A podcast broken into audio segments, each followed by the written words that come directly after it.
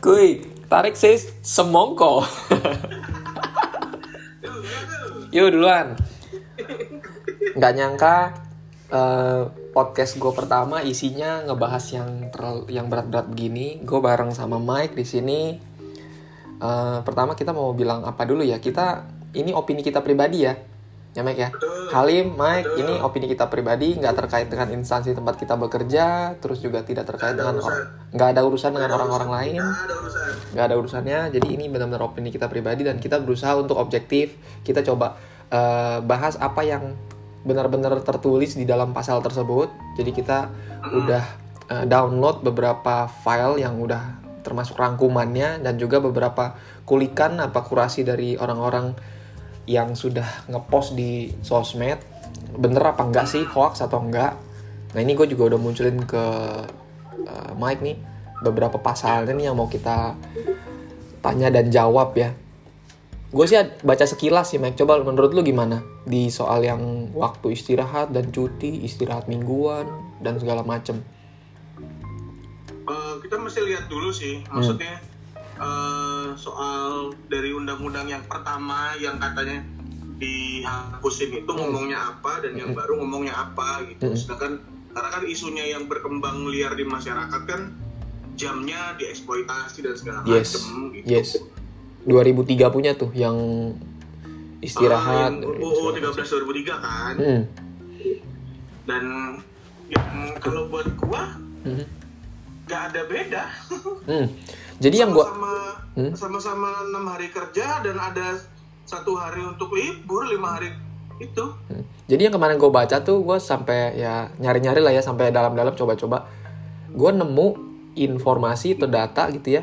Kalau uh, yang di UU 2003 ini yang di uh, yang sebelumnya itu juga nggak uh, cuma 7% dari seluruh perusahaan di Indonesia yang mengimplementasikannya ke karyawan gitu, ke karyawan mereka setuju gitu. betul betul Tujuh, cuma 7% ibaratnya. Jadi setuju 93% tidak mengimplementasi, tidak melakukan hal tersebut. hmm. Gaji di bawah UMK ya masih tetap, ya kan? Terus jam kerja juga lembur juga nggak dibayar. Kadang-kadang suka rela, ya kan? Kita pasti mengalami lah. Lu, lu mengalami, gue juga mengalami lah. betul Dan teman-teman gue banyak yang mengalami Persis. itu betul Dan kita juga bukan ngomongin eh, itu salah ya, karena kan itu memang eh, kesepakatan kita dengan eh, pemberi kerjanya kita gitu kan. Dan kita juga menerima apa yang sudah disepakati bareng-bareng gitu.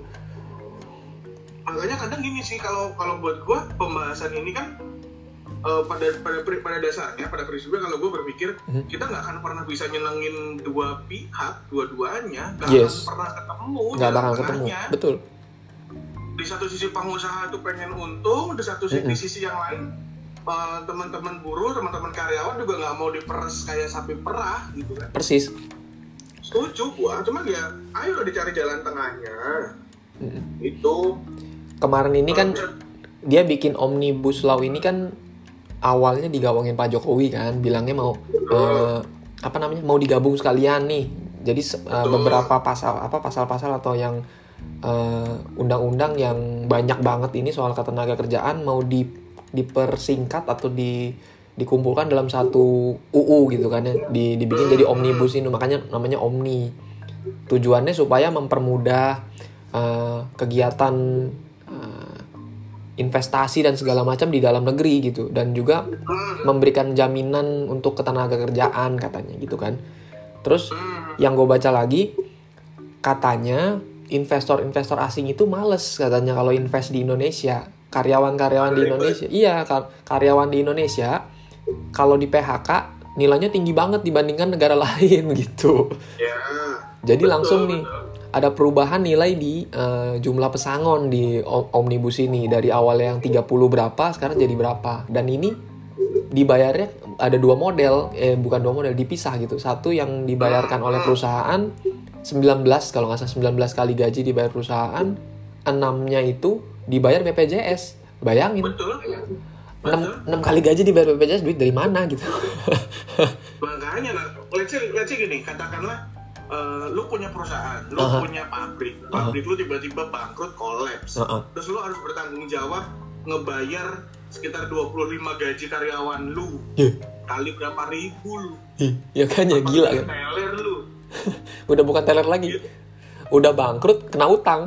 Ya kan? Nah, makanya dan sedangkan yang gue baca di di undang-undang cipta kerja ini Hmm. eh, gaji yang belum dibayarkan karena PHK Hmm. karena karena bangkrut segala macam itu masuk dalam eh, utang prioritas. Jadi Oh. utang-utang yang lain kan pasti banyak tuh perusahaan kan pasti punya utang segala macam. Nah, nah utang dagang gaji gitu ya. itu setahu gua betul itu jadi prioritas yang pertama harus dibayar gaji duluan mati betul. Hmm. undang-undangnya ngomong begitu berarti ini ini undang-undang yang barunya ya berarti ya yang barunya ngomongnya gitu berarti ini secara sepihak juga memberatkan si pengusaha juga ya betul Mm. Wah. Betul, tapi ya mau nggak mau kan pemerintah negara kan juga harus hadir buat teman-teman buruh. Oh, jadi secara sisinya si pemerintah juga mem- mengawal ibaratnya ya, menjaga Betul. da- ke sisi si buruh kalau lu kalau di PHK lu di, diprioritasin loh, dibayar duluan gitu loh. Betul, betul, betul. Nah, ini ke- mungkin kebanyakan orang nggak tahu ke yang yang uh, poin di sini tuh uh, ada ada andil pemerintah buat uh, apa ya namanya? Sebenarnya menjaga. tuh melihatnya kalau boleh tarik mundur gara-gara Hmm. ya itu kayak yang pernah gue share ke lo kemarin kita Hmm. tuh kurang buat baca.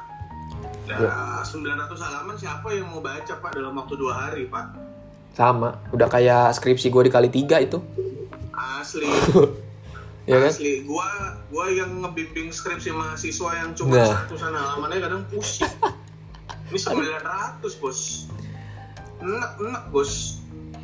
Gitu. Bayangkan Tapi ya, berbagai ya kalau- poin ini. Makanya kalau gua sih pada prinsipnya Mm-mm, ya dicari dulu, dibaca dulu, mm-mm. dan segala sesuatu kan bisa dibicarakan. Negara kita kan negara hukum. Kalau toh Betul. memang ada keberatan ya ajukan judicial review ke MK Iya, setuju. dan MK apa Mahkamah Konstitusi kita dalam track recordnya nggak sedikit kok yang Digolkan. membatalkan undang-undang, Yang membatalkan, iya. merevisi undang-undang tuh nggak sedikit. Dan ini kalau nggak salah masih masih ini ya, Mac ya? Masih RUU kan? Jadi belum disahin presiden Udah, juga ya? Udah udah disahin. Oh, udah. Jadi undang-undang udah Oh. disahin kemarin yang tanggal 5 itu. Nggak perlu disahin presiden juga? Apa? Nggak perlu disahin presiden juga? Kayak misalnya DPR udah bikin, Undang-undang undang-undang undang-undang itu kan yang bikin DPR. hmm, Tapi diusulkan salah satunya yang yang membuat juga pemerintah dalam hal ini presiden. hmm, berarti kalau Jadi udah selesai udah ya? yang dalam hal ini adalah eksekutif, Mm-mm. badan badan negara eksekutif, dia mengusulkan bersama dengan Legislatif, uh, kementerian kementerian, Oh, kementerian. dan kemudian usulan itu dibawa ke DPR, legislatif. digodok di DPR, disahin kemarin jadi UU. Udah jadi UU, Nah. udah bukan R lagi ya? Udah udah jadi undang-undang, tapi di negara kita ada undang-undang yang mengatur bahwa undang-undang itu bisa dirubah, Hmm. undang-undang itu bisa direvisi Hmm, asal eh, jalur hukumnya jelas Mm-mm, Makanya melalui mahkamah. namanya MK Mahkamah Konstitusi konstitusi jelas kan ya? Mahkamah Betul. Konstitusi. Kerjaannya apa ya ini? betul karena yang gue bilang tadi MK kita itu nggak nggak jarang kok ngebatalin undang-undang tuh nggak jarang Hmm, banyak betul betul. gitu Ini kalau mau Gitu kita sih. bahas satu persatu nih poin waktu istirahat dan cuti, istirahat mingguan panjang, eh, cuti haid, cuti hamil segala macem. Kan ini dari yang gue share ini ada undang-undang lama sebelah kanannya omnibusnya nih. betul Poinnya itu kebanyakan adalah eh, misalnya poin di yang 2003 itu disebutkan, poin yang di omnibus law tidak disebutkan gitu. hmm, hmm. kayak misal anggap kita contoh hak eh, cuti haid cuti haid ya kita berdua kan nggak nggak nggak haid ya jadi mungkin nggak tahu gimana sakit sakitnya ya betul ya kan? Yang sek- yang dulu ada bisa memperoleh libur pada saat haid hari pertama. Nah kenyataannya lu pernah nggak ngelihat temen lu karyawan yang eh, mendapatkan cuti haid? Kalau gue gue jujur belum pernah dapet temen yang itu. Dia mengajukannya misalnya izin doang izin ke atasan. Jadi masuknya izin izin sakit. jujur nih hmm, jujur nih hmm, cewek gue ini lagi lagi mens hmm, hmm. lagi datang bulan. Hmm. dia tetap masuk kantor masuk kerja. Iya. Jadi tidak. Tapi di tempat kerja cewek lu itu eh, ada nggak peraturan yang mem- membolehkan untuk dapat cuti? Gitu. kalau cuti secara umum sih ya ada dong Hmm, formilnya gitu kan. itu kan Hmm, itu kan hmm. pasti ada Sebulan sekali kan? gitu iya gitu terserah lu mau ambilnya berenteng nggak yang penting 12 hari kan setahu gua kalau di kantor kan Oh, gitu. gitu Kalau yang yang cuti haid ini gua belum pernah tahu nih Mm-mm. cuman eh ya oke lah eh, pun misalnya cuti haid ya ya udah tinggal tinggal izin kan Mm-mm. Kalau di yang cipta kerja ini dia tidak mencantumkan hak cuti haid bagi perempuan. Tidak menuliskan hak cuti haid di hari pertama, kedua, masa menstruasi sebelumnya diatur dalam buku ketenaga. Jadi yang dulu disebutkan harus ada, ibaratnya wajib ada. Lalu di Omnibus Law tidak disebutkan. Jadi dianggap sama orang-orang dihilangkan gitu. Lalu kemarin gue baca lagi penjelasan dari Ini- orang yang ngerti ini hukum opini, nih berarti. opini gue pribadi sih Ah. eh, Lim Nah, opini gue jadinya eh, masa iya negara kudu ngurusin kita sampai sedetail itu gitu mhm, mhm. jadi buat gue ya benar memang eh, kok apa namanya kesejahteraan rakyat masyarakat itu tanggung jawab negara benar tapi ya masa iya perkara haid aja sampai diurusin dalam undang-undang sih gitu. Mhm, mhm, kalau mhm. menurut gue yang sok tahu ini Iya. dan uh, kalau dari kacamata gue sih ada atau tidaknya di undang-undang kalau memang lu ngerasa lu nggak sehat ya lu tinggal izin. bilang sakit Uh-uh. info ke atasan lu sakit gitu terus itu sederhana sih Jadi yang gue lihat ini, kalau misalnya banyak, anggaplah dari baru dari poin satu nih, kita belum eh, mengarah ke upah. Di poin satu ini, dia kan banyak yang dulunya ada, sekarang tidak disebutkan. Dulunya ada, lalu yang berikutnya tidak dimention sama sekali. Ibaratnya, eh, ya dianggap eh, tahu, kita tahu, cuman kita nggak sebutin secara im- implisit gitu ya namanya. Implisit atau eksplisit pen- penjelasannya ya? Jadi tidak tertulis gitu kan. Lalu ada lagi yang gue baca kalau eh, ketentuannya seperti ini berarti bisa dilakukan tapi tidak bisa juga eh, jadinya hitungannya fleksibel gitu. nih gue baca nih gue baca. Hmm, uh, ketentuan cuti hamil atau melahirkan hmm, terus atau dan cuti-cuti yang lain hmm, uh, selama cuti diatur dalam Undang-Undang 13 2003 pasal 82 84 ketika dua pasal itu tidak dibahas dalam UU Ciptaker Hmm. berarti keduanya tetap berlaku Nah, tanpa perubahan jadi tetap yang di 2003 itu tetap berlaku gitu. tetap berlaku Bukan menghilangkan. Nah, itu lebih lebih clear tuh, lebih enak. Heeh. ah lucu sih kadang bingung sama teman-teman bener dah Jadi yang ditangkap oleh kebanyakan netizen adalah kayak ini rancu nih jadinya multitafsir yang ditakutkan kita ngerti perusahaannya yang balelo gitu perusahaannya yang menangkap kalau oh ya udah sekarang mulai sekarang gue nggak usah nerapin lagi aja cuti hamil cuti haid segala macem di tempat gue pokoknya nggak ada gitu ya enggak dong enggak Nah. gitu dong kan Eh, eh, dan setahu gue ya setahu Hmm. gue sebuah undang-undang itu bisa sampai atau bisa terdistribusi di masyarakat Mm-mm. dan kalau dalam hal ini kasusnya UU Ciptaker ini. Paling setahun dua tahun lah baru perusahaan tuh bisa mengimplementasikan secara utuh Hmm. dari isi undang-undang ini. Nah, dan kita kan punya rentang, kita punya jangka waktu 1 sampai 2 tahun ya pakai lah, yuk kita pakai waktu itu buat ke MK, judicial review segala Mm-mm. macem. Kalau ada yang keberatan, toh DPR juga kasih kasih ruang. Mm-mm. Kalau memang ada yang keberatan, ya silakan, nggak apa-apa. Itu loh. Yang yang jadi problem di eh, netizen itu adalah kenapa pasal di omnibus law itu multitafsir gitu. Tidak disebutkan secara detail. Tidak dijelaskan kalau misalnya oh pasal yang sebelumnya masih berlaku gitu. Anggaplah contoh yang soal UMK UMP dijelaskan lagi sama si ketua DPR ya siapa ketua DPR apa siapa sih? Erlangga tuh Pak Erlangga? Ah, jabatannya ketua ya? eh, lupa gue, iya, tahu tahu gue Pak Erlangga. Ah. Menteri apa ya? Lupa gue. yang ketua itu Kenapa, kenapa? Ibu Puan apa Pak Erlangga sih bingung gue Ketua apa ini?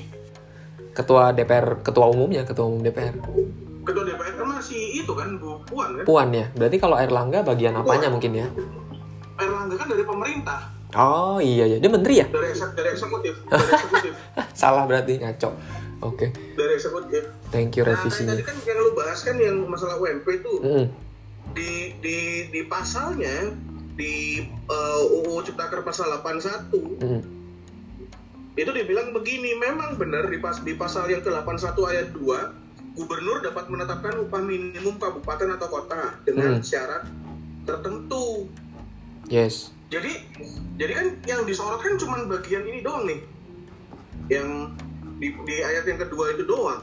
Ah, Dia lupa ada ayat 5. Upah minimum kabupaten atau kota sebagaimana dimaksud pada ayat 2 harus dua. lebih tinggi dari upah minimum provinsi. harus lebih tinggi. Jadi lo Iya, jadi logikanya di di Ciptaker ini Heeh. kalau yang gua yang gua baca ya, yang Mm-mm. gua baca. Ya. Jadi eh, UMK dan UE, UMK ya, UMK Kota. dan eh, upah minimum kabupaten dan kota lah Mm-mm. itu, Hmm? itu kan memang nggak tertulis ditetapkan dan segala macam. Hmm. Yang ditulis kan cuman ada oh, UMP. upah minimum provinsi. Yes. Tapi ada catatan di ayat 5 di pasal 81 UMK itu harus lebih tinggi dari UMP.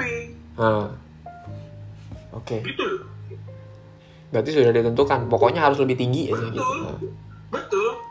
Jadi secara Kalau- tidak langsung baca, UMP itu kan fungsinya Hmm. bukan sebagai standar minimum dari pengupahan, bukan. Oh, bukan. Tapi sebagai jaring pengaman. Jadi kayak misalnya Aha. perusahaan yang lu pimpin kolaps, lu Oh. bener-bener gak bisa bayar sama sekali, lu gak punya duit sama sekali. Hmm. Tapi lu cuman punya katakanlah duit lu cuman bisa bayar sesuai dengan atau jumlahnya nggak se, nggak se, nggak sebesar dari UMK. Hmm.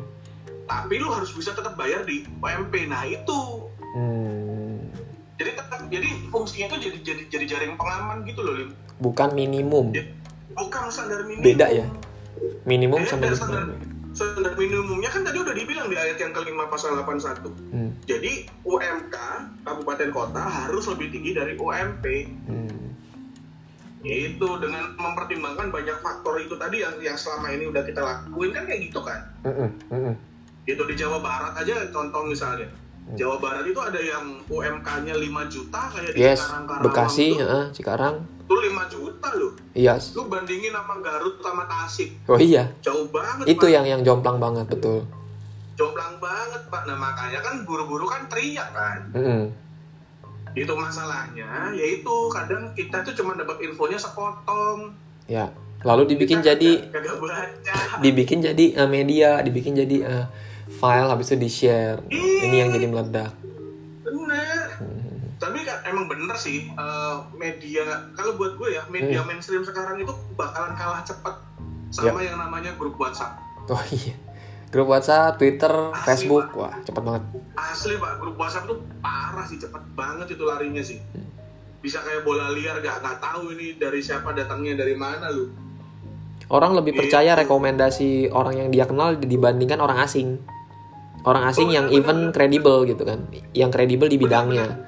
Jadi dia lebih percaya orang yang yang dekat sa- sama dia secara personal gitu.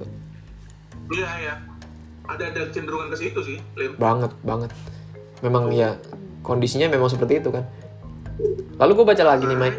Ini larangan bagi pengusaha untuk bayar di bawah upah minimum. Ah, muncul di layar lu nggak ya? Ada ya? Twitter, Twitter ya di bawah upah minimum dalam pasal ini di- dihapus jadi nggak udah nggak disebutin lagi nih. Jadi kalau misalnya dibaca secara eh, ini literally sampai di bagian koma ini di ke pasal 88F koma ini berarti orang bisa anggap oh si si perusahaan ini boleh nih bayar di bawah UMP gitu kan ya boleh nih di bawah di bawah upah minimum dia boleh bayar. Misalnya sekarang tahun 2020 gue bisa bayar tahun upah tahun 2016 aja nih gitu kan. Karena gue lagi nggak kuat lagi kan kondisi covid ibaratnya gitu kan. Jadi kalau ada yang bilang karena pasal 90 dihapus pengusaha jadi bisa dibayar bayar di bawah upah minimum itu adalah hoax. Kenapa? Iya bisa jadi. Upah minimum sebenarnya 90 perubahannya dengan mengembalikan fungsi upah minimum sebagai jaringan pengaman yang tadi kan semestinya tidak ada lagi Betul. upah minimum bagi perusahaan betul ini pernah beberapa kali diuji material di mahkamah next mahkamah Konstitusi. konstitusi selanjutnya dalam putusan ini permohonan dinyatakan tidak dapat diterima sepanjang fase tetapi tidak wajib membayar pemenuhan ketentuan upah minimum yang berlaku pada waktu diberikan penangguhan dinyatakan bertentangan dengan UUD 1945 yang tidak mempunyai kekuatan hukum mengikat. Pada prinsipnya penetapan upah didasarkan pada kesepakatan antara pengusaha dan pekerja bur- pekerja atau buruh. Namun untuk melindungi pekerja atau buruh akibat uh, posisi tawarnya yang uh, ini di bawahnya. Berarti uh, nah ini yang lemah, maka pemerintah menetapkan upah minimum sebagai standar minimal upah gitu.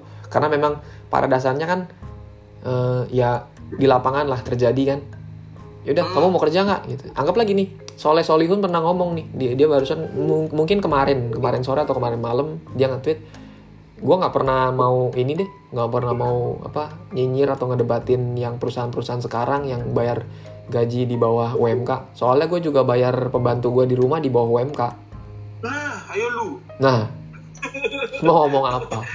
Mau ngomong apa lu? mau ngomong apa? Bungkam saya. Saya juga nggak bayar UMK pak. Gitu.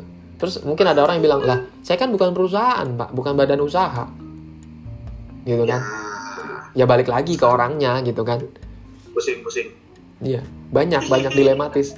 Yang misalnya diberi yang diwajibkan memang anggaplah sebuah badan usaha oke ya kan? Terus kalau misalnya saya pribadi tapi punya usaha pembantu saya nggak boleh di UMK eh nggak nggak boleh nggak UMK kan beda lagi tuh. Nah Eh, itu itu sih. itu nggak sampai ke sana tuh aturannya tuh. Bahkan belum nyampe tuh ke situ. Ya kayak misalnya eh, warteg samping tempat gua nih, iya. Dia kan dia dia bilang eh, yang kerja di tempat dia saudaranya sepupunya dari kampung Heeh. kerja di sini dibayar cuma satu juta. Nah itu gimana tuh? Nah itu. Bayangin. Dan kondisi misalnya anggaplah kondisi covid begini yang digajinya dipotong setengah segala macam emang itu ada diatur? Nggak ada kan? Ya makanya pusing sih pusing. Bener. Semuanya berdasarkan kesepakatan antara si eh, perusahaan dengan si buruh atau pekerja gitu ya even benar-benar even di kondisi gue juga gue dapat pemotongan gaji juga ya udah mau teri- terima-terima aja. Memang omset perusahaannya sedang menurun daripada di PHK ya kan? Susah cari kerja. kerja. Gue terima aja. Gitu. iya sih pak. Banyak kondisi yang eh, apa ya mau nggak mau kita negosiasikan dengan perusahaan gitu. Yang jadi sebenarnya yang jadi apa ya yang jadi eh, keresahan dari orang-orang netizen masyarakat adalah ini banyak pasal multitafsir gitu loh. Yang ditakutin adalah pemerintah tuh banyak eh, nggak kepegang nggak ke monitor semua. Perusahaan-perusahaan makin bandel. Itu. Hmm, itu sih yang kalau menurut gua oh iya juga ya bener juga relevan juga. Karena banyak pasal yang nggak bener-bener disebutin secara kuat gitu. Oh harus gini ya wajib ini wajib ini. Jadi tidak mendetail terlalu lebar terlalu luas. Dia ada kemungkinan perusahaan tidak melakukan yang seharusnya. Misal kayak eh, seminggu kan tujuh hari. Kerjanya lima hari gitu kan. Terus mau ditambah eh, ditambahin jadi enam hari. Jadi ibaratnya gue kalau kalau dengar sekilas misalnya ngobrol eh lu udah lihat eh, omnibus belum nih Eh, sabtu nanti berarti masuk loh. Oh gue mikir ah sabtu masuk dong. Anjrit. Gitu kan? Kalau yang misalnya kerja senin sampai jumat sabtu disuruh masuk pasti langsung bete dong. Waduh kenapa jadi sabtu sekarang masih masuk nih? Gitu kan terus ada lagi yang yang mungkin biasanya hari sabtu sudah masuk kerja ya kan? Atau mem- yang memang kerjanya di weekend kayak yang di kerja di mall atau segala macam mulai mulai hitung hitungan nih mulai hitung hitungan berarti gue se se- seminggu berapa hari kerja gitu kan? Ada lagi ada lagi poin ngomong soal uh, nanti kerjanya itu per jam. Pengupahannya hitungannya per jam. Di luar negeri sementara uh, pengupahan per jam udah biasa kan? Banyak dilakukan. Di Indonesia aja yang belum ya kan makanya investor katanya cenderung lebih pilih di luar negeri karena lebih efektif buat mereka membayar upah dengan hasil produksinya gitu dibandingkan di Indonesia Wah, gitu itu Iya. aja lu nggak usah sok sok halus lah bahasanya Heeh. lebih murah kalau di luar daripada di Iya. Indo. Emang Padahal bener? padahal dulu kita terkenal dengan murahnya loh. Sekarang ya masa mau murah terus pak Iya. Banyak banyak banget sih, banyak banget yang perlu dibahas. Ini by the way ini kita udah masuk ke menit berapa ya? Kita serius banget nih ya, gila anjir.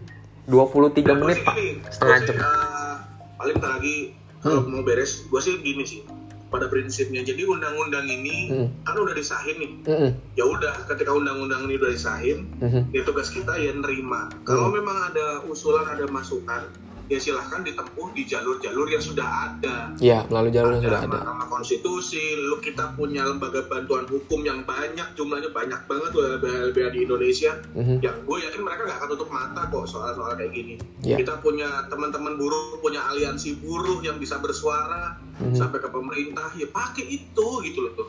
Maksud gue, yang gue sayang, yang gue jujur yang sangat gue sayangkan dari kejadian dua hari belakangan adalah ketika orang situasinya lagi kayak gini, nyari kerja susah, ketika orang kerja kemudian disuruh demo, wah itu pusing sih pak. Iya, impulsif Gua ya. kebayang, gue kebayang gimana pusingnya tuh eh, bos-bos perusahaan sih Mhm.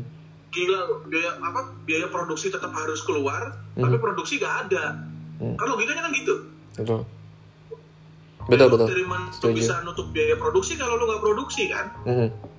Gitu. Jadi ah, sayang sih. Bener kita bis, kita berhak dan bebas untuk menyatakan pendapat. Setuju gua gua nggak ada Hmm. masalah dengan hal itu. Cuman yang gue sayangkan adalah eh, kenapa harus sampai anarkis? Kenapa sampai harus rusuh? Itu Hmm. doang.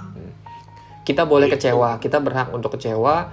Yang kalau gue pribadi nih Mike kalau gue pribadi gue menyayangkan kenapa disahkan sekarang ya ya emang waktunya lagi ngaco sih. Waktu lagi nggak nggak bagus waktu lagi covid kayak Betul. gini kondisi lagi tinggi lu malah mancing buat uh, kondisi begini. Ini ibaratnya kayak lu ngom ini kita belum ngomongin yang soal poin TKA dan uh, yang Ya, masalah ya, ya. lingkungan loh izin-izin. yang yang izin lingkungan sih gila banget pas gue baca. Terus juga itu nggak ada pembantahannya juga dari gue liat di Instagramnya DPR RI segala macem. Terus yang di info sama Erlangga dan segala macem yang mereka infokan nggak ada bantahan soal yang bagian yang eh, apa ya, ya? faktor lingkungan. Nah, amdal itu gila sih. Lu bayangin kalau misalnya investor asing mau eh, nge- ngeruk hasil alam hasil buminya Indonesia lu datang ke sini eh, nanti nggak ada yang nge-review lagi dari eh, badan independen gitu.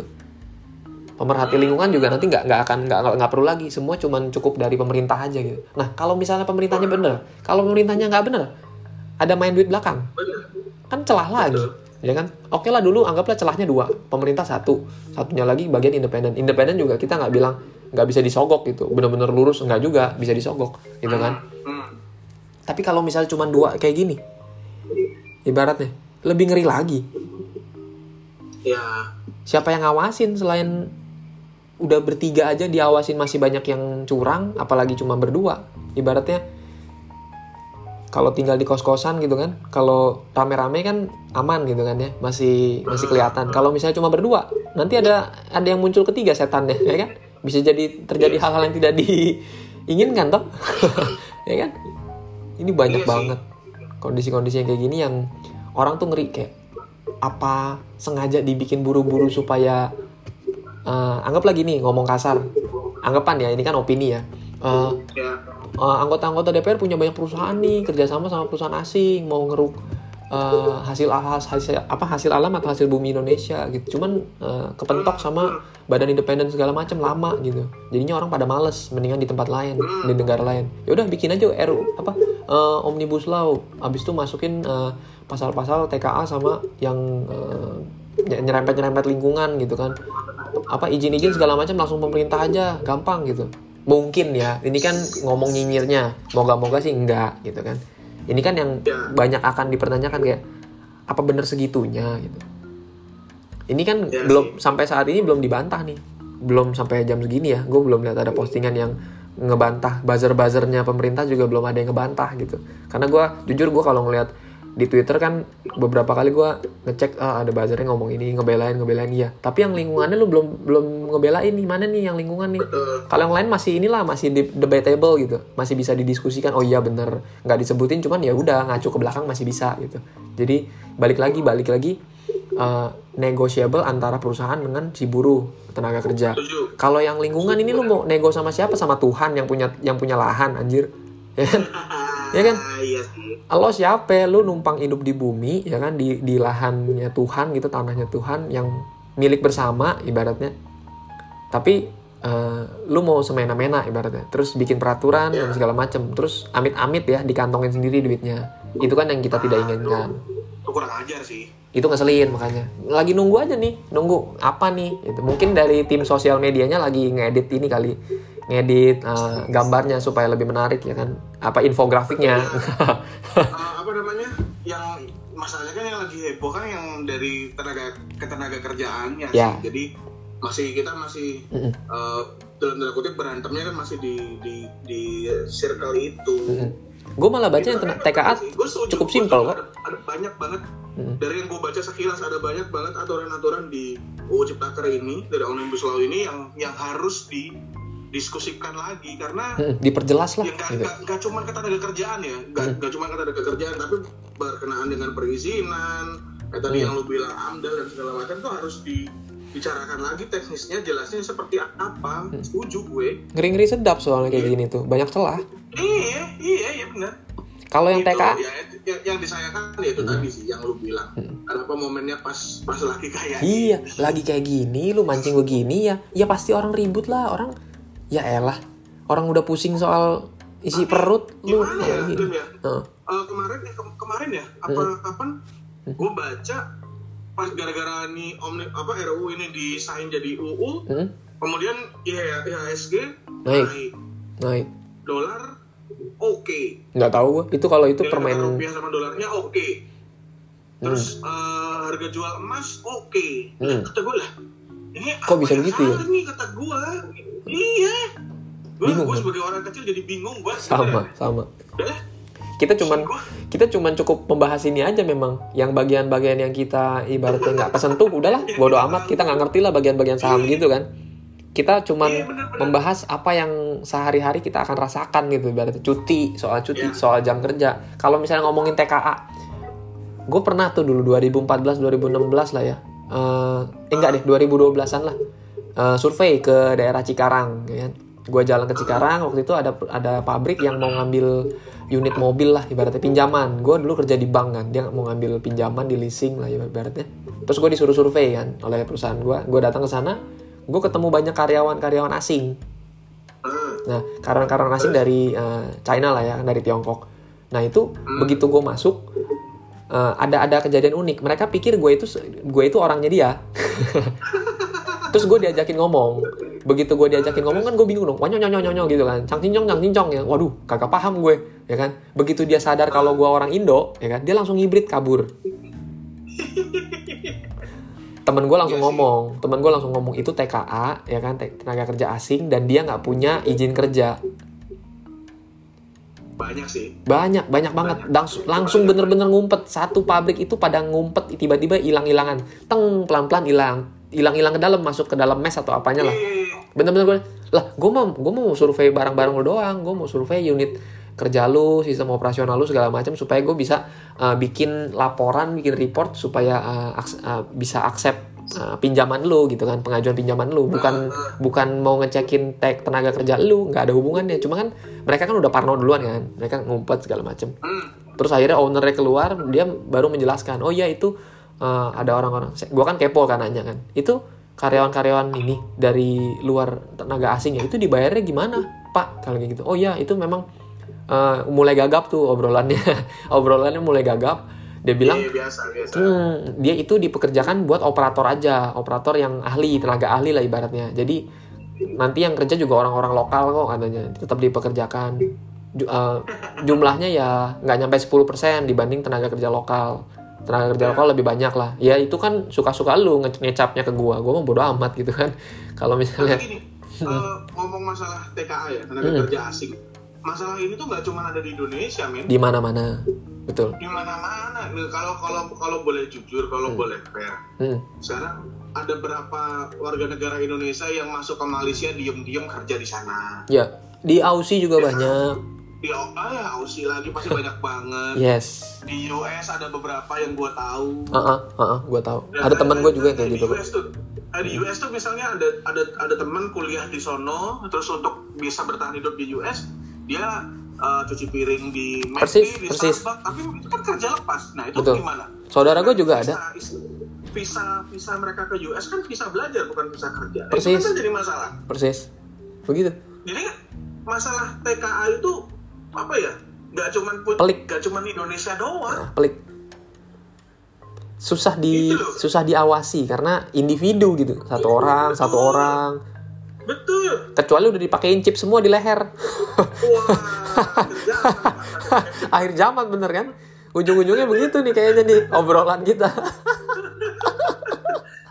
Bener sih, bener sih. Ya, Iya kan? Kalau mau fair gitu aja deh. Hmm. Berapa banyak teman-teman kita orang Indonesia Mm-mm. yang kerja di luar negeri diem-diem Mm. banyak men, banyak banget. Banyak, banyak banget. Itu loh. Jadi masalah, aduh, Riwah ya? gue sangat sayang, yang sangat gue sayangkan dari kasus uh, dari kejadian dua hari ini adalah uh, jangan sampai atau kenapa harus sampai dipolitisir Mm.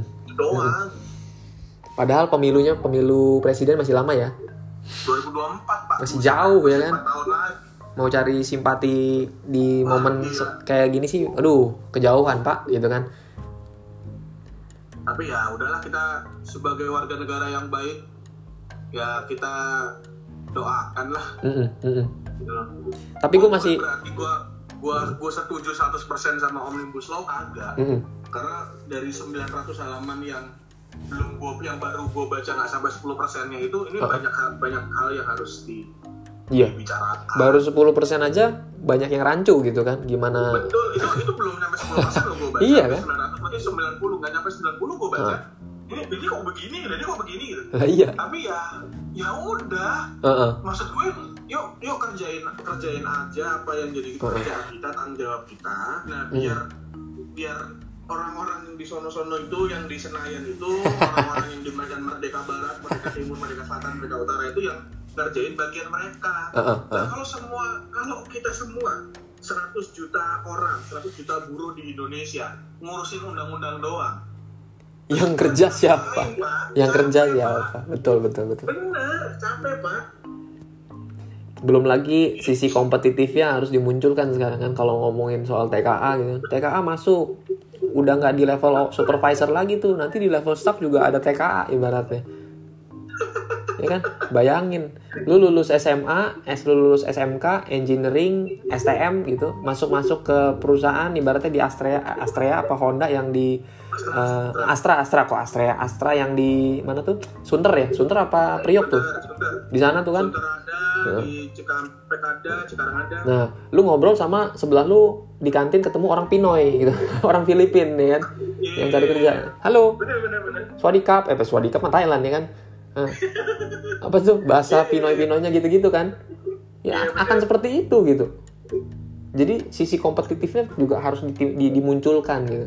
Lu harus apalagi sekarang ada pasal yang ngomong soal apa status kerjanya kontrak segala macam bisa kontrak seumur hidup nggak ada tetap. gue jadi, jadi, jadi, jadi pikiran dan ingat ini loh Hmm, lima apa tuh?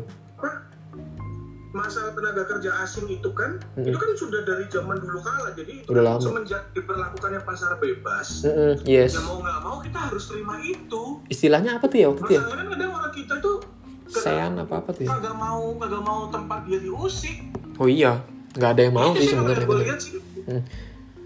Kalau dulu, Sedangkan kita udah masuk di pasar bebas loh kalau dulu sih waktu waktu gue pertama kali denger yang namanya apa? Yang pasar bebas itu kan, gue mikir, oh orang asing bakal masuk ke Indonesia satu. Mereka juga punya kendala sih sebenarnya ya kan satu. Anggaplah di anggaplah di di di bagian pekerjaan gue, gue kan di selling, gue di sales di marketing. Gue banyak berhubungan sama orang-orang lokal, misalnya 90% lah. Kalau misalnya gue berhubungan dengan orang asing, biasanya vendor atau uh, supplier, supplier, supplier dari luar gitu. Atau mereka seller juga, tapi butuh uh, afiliasi di sini. Eh, gue mau jual barang, tapi gue butuh apa ya namanya uh, sebagai penyelia lah di sini, sebagai distributor juga di Indonesia. Nah, dia akan kontak ke gue. Jadi gue yang bantu menjual menjual di, di Indonesia. Karena dia tahu dia punya kendala bahasa, dia punya kendala budaya, ibaratnya barriernya di situ. Nah, kalau misalnya TKA masuk ke Indonesia, dia juga pasti akan berpikir gitu. Gue mesti beradaptasi dengan kondisi Indonesia. Nah itu, gue rasa itu ini sih fair fair aja gitu. Mereka masuk, tapi mereka juga punya kendala sendiri gitu kan. Nah kita yang yang di sini apa sih yang diuntungkan? Kita nambah eh, motivasi aja, kita tambah challenge gitu. setuju Gue sih ngambil positifnya gitu. Kalau misalnya ada TKA masuk, ya gue harus lebih giat lagi kerjanya gitu, ya kan? Nah, itu masalahnya nggak semua orang Indonesia, nggak semua orang 250 juta orang di Indonesia ini kayak lu pola pikirnya, Pak. Ya, ya itulah. Karena berpikirnya udah negatif dulu, kayak mikir, oh di sini aja udah susah nyari kerja, nanti mereka masuk kerjaan yang cuma satu direbutin 10 orang, sekarang direbutin lima orang, mereka masuk jadi direbutin tujuh orang dong, gitu kan? Pikiran sempitnya Ya. seperti itu. Lah kenapa mesti minder gitu? Kalau you bagus pasti you yang dipilih dari 10 mau mau 100 orang juga you pasti dipilih gitu kan? Betul, setuju, Pak. Heeh. Setuju. Dan Udah. sekarang kalau mau fair, kalau mau fair, kalau seandainya kita nggak mau misalnya, nggak mau pakai tenaga kerja asing, Mm-mm. dan sekarang TKI, TKI, TKW, TKW ditarikin diusir-usir dari negara-negara yang sana gimana? Yes, negoro negoro. Jawanya keluar Pak De. Gue kadang betul betul itu TKI TKI di luaran sana Banyak loh. TKW yang katanya eh, salah satu penyumbang devisa Yes, negara pahlawan yang devisa. besar. Mm-mm. kalau disuruh balik lu sama negara tempat dia kerja tempat mereka kerja apa nggak? Puyeng lu. Hmm. pemerintah juga rugi. Kurang ke- kehilangan devisa bener dong. Sementara yang ya, ker- udahlah. yang kerja di Indonesia pun jarang-jarang ada yang bayar pajak pak. Ya kan?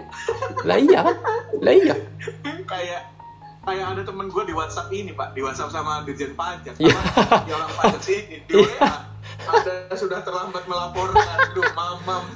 Sampai sampai ada iya kan sampai ada program pemutihan kan bayangin aja.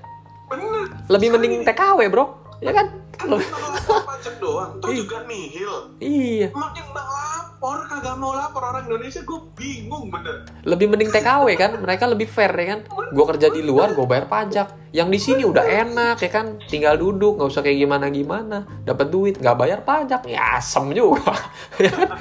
Di sana udah di anjing anjingin dikampret kampretin jadi jadi babu ibaratnya. Ngomong kasar ya. Sampai ada ada misalnya amit amit ada risiko dianiaya segala macem. Tapi mereka bayar pajak nyumbang buat negara. Bayangin aja. Mereka tuh pahlawan jam masa kini tuh mereka. Betul betul. Jadi ya ya balik kalau gue sih kesimpulannya ya udahlah. Uh, kerjain aja apa yang jadi tugas kita. Mhm. udah Mm-mm. nggak usah. Bukannya gue bukannya antipati ya Lim, ya. Hmm. cuman lebih kepada realistis gak sih? iya benar ketika lu misalnya lu teriak-teriak nih sekarang Mhm. dampaknya kan ya apa gitu Iya apa itu?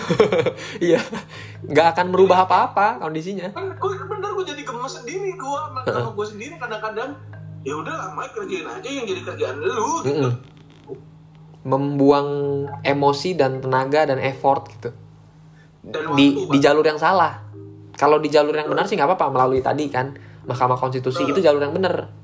Ibaratnya kalaupun gagal, usaha lu nggak nggak kebuang sia-sia tenaga lu gitu kan. Betul Kalau misal lu cuma demo ngerusak eh, fasilitas umum lalu nanti berhadapan dengan aparat, ya siapa yang mau disalahin ya kan? ya pokoknya Hmm. aparat selalu tidak benar Iya, aparat selalu tidak tidak benar, selalu salah ya kan? Kan ada tuh mobil aparat yang yang apa? Ada aparat salah satu aparat yang posting di TikTok atau di Instagram atau di mana gitu kan. Dia bilang, "Bentar dulu Bang Jago ya kan, bukannya kita ngalangin ya kan, tapi tugas kita memang mengamankan ya kan uh, fasilitas dan segala macam yang berhubungan dengan pemilikan umum gitu. Kalau lu ngurus lu kalau demo bye-bye aja nggak bakal diapa-apain kok gitu kan. Sesuai peraturan nggak bakal diapa-apain. Tapi kalau lu misal udah ngerusak pagar, ya kan, nendang-nendang fasu-fasos, ngancur-ngancurin itu, nah itu baru ditindak, iya dong. Itu kan fasilitas umum. Kayak kemarin yang di Bandung itu kan mobil kan mobil Nah. polisi lah sampai Nah. balik dibakar dihancurin gitu wah itu udah anarkis sih kalau buat gue Ya. itu bukan penyampaikan pendapat sih pak Iya, menyampaikan Udah emosi anarkis. namanya. dan, Dan- kalau anarkis tuh ya udah hukum sih Mm-mm.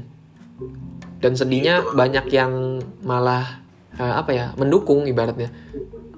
ya Sayang aja sih kalau misalnya eh, mendukung cuman untuk hal yang salah, karena apa ya kurang informasi terus udah ke bawah udah ke bawah ngedumel duluan gitu. Kalau misalnya dibaca iya kita tahu kita sama paham. Kalau ini terlalu dipaksakan UU-nya tapi kenapa tidak di- eh, kita protes dengan cara yang benar gitu kan? Tuh gitu aja gitu loh. Kenapa pasti ngomel-ngomel emosi gitu loh. Harus ngedumel sampai ngancur-ngancurin barang harus demo atau apa ya Ya, itu intinya sih itu. Udah dapat lah ya kita kesimpulannya ya. Udah Iya. menit keberapa nih? Coba gua cek. Wah, kita panjang juga nih. 40 menit 4 menit. Buset, 40 menit sampai satu SKS itu? Udah satu kali jam sidang nih udah mau lulus nih anak ini iya wah ya udah kita ya udah gitu aja sih paling gua gua simpulkan aja nanti kita gua terakhir hmm, buat teman-teman yang besok masih mau turun ke jalan Ada ya? menyampaikan pendapat dan aspirasinya Oh, ada. tetap stay safe, Mm. stay health. Masih pandeminya masih belum beres teman-teman. Ingat. Jadi ya gimana ya? Masih ya, ada pandemi. diri sebaik-baiknya lah. betul masih ada Jangan pandemi sampai ntar pulang demo, pulang dari menyampaikan Positif. aspirasi, pulang ke rumah malah bawa sakit ke Iya, keluarga. ingat ada orang tua yang di Betul. rumah, saudara-saudara, adik-adik balita. Jaga diri lah jaga diri jaga so- jaga se- se- apa sekitarnya juga jaga Hmm. saudara jaga keluarga juga bertanggung jawablah Sok, untuk orang lain. Iya. yang mau demo masuk silakan demo ya cuman dijaga gitu aja gua. Yes. Eh, ini muncul Mike. The maximum recording time for segments is six, uh, 60 minutes. Keep an eye on. Oh gitu ya. Ya udahlah, tinggal 15 menit lagi. Gua gua minta 5 menit buat uh, apa ya? Concluding this apa conversation asik. boleh Jadi, thank you Mike waktunya Uh, udah nemenin Halim ngobrol banyak. Gua nggak tahu nih yang akan ada yang dengerin apa enggak ocehan kita. Cuma nggak apa-apa. Ini seru juga bertukar pikiran via Zoom, via recording gini. Gue sepaham sama lu dengan kondisi-kondisi yang ada. Gua rasa akan ada yang sepaham juga sama kita setelah mungkin dengar apa yang kita paparkan. Moga-moga sih ada yang mendengar dan ada yang mengambil positifnya ya. Kita sama-sama menjalani ini semua dengan berikhtiar, asik ikhtiar ya kan, berpikir positif ya kan. Kondisi yang ada saat ini COVID, terus kita menghadapi uh, masalah ke depan yang belum menentu, misalnya finansialnya kita pribadi, terus keuangan ekonominya negaranya kita segala macem macam-macam ya kan. Ini yang ini yang perlu kita tang apa ya kita menjadi tanggung jawab masing-masing dan tanggung jawab kita buat orang lain gitu kan. Untuk menjaga kesehatan kita segala macam. Itu dulu sih yang menjadi prioritas kita harusnya. Kalau kita mau demo kalau boleh tapi kalau kita misalnya mau lebih produktif lagi untuk uh, mencoba minta diskusi dengan uh, pemerintah gitu mau uh, debat kita mesti lewat jalur yang benar ya kan? Mahkamah konstitusi ada dan segala macamnya gitu nggak nggak sulit kok kalau mau cari tahu lebih uh, dalam. Nggak sulit kok kalau mau ingin tahu dan uh, menelaah lebih lagi kondisi-kondisi yang ada di pasal omnibus law. Karena kan semuanya udah tersebar nih. Ada 900 hampir 1000 halaman yang bisa lu baca kalau lu pengen. Pengen nggak disalahin orang dan nggak nggak nggak buang-buang waktu buat jalan lari-lari di demo. Mending lu baca aja gitu. Lu baca lu mengerti. Kalau nggak ngerti lu nanya orang gitu intinya kan gitu. Daripada lu buang-buang tenaga terus lu masuk ke comberan ada tuh videonya. Jadi dia habis dorong-dorong ya kan? Dia, dia kedorong ke belakang. Ya? Nyebur dia. Oh gua jebur masuk ke, selokan lu. Kan gak lucu ya ceritanya. Nanti begitu lu udah punya anak anak lu gede eh papa pernah tuh ikut omnibus law tuh demo ya? Dulu papa bagian mana? Bagian kecebur ke got.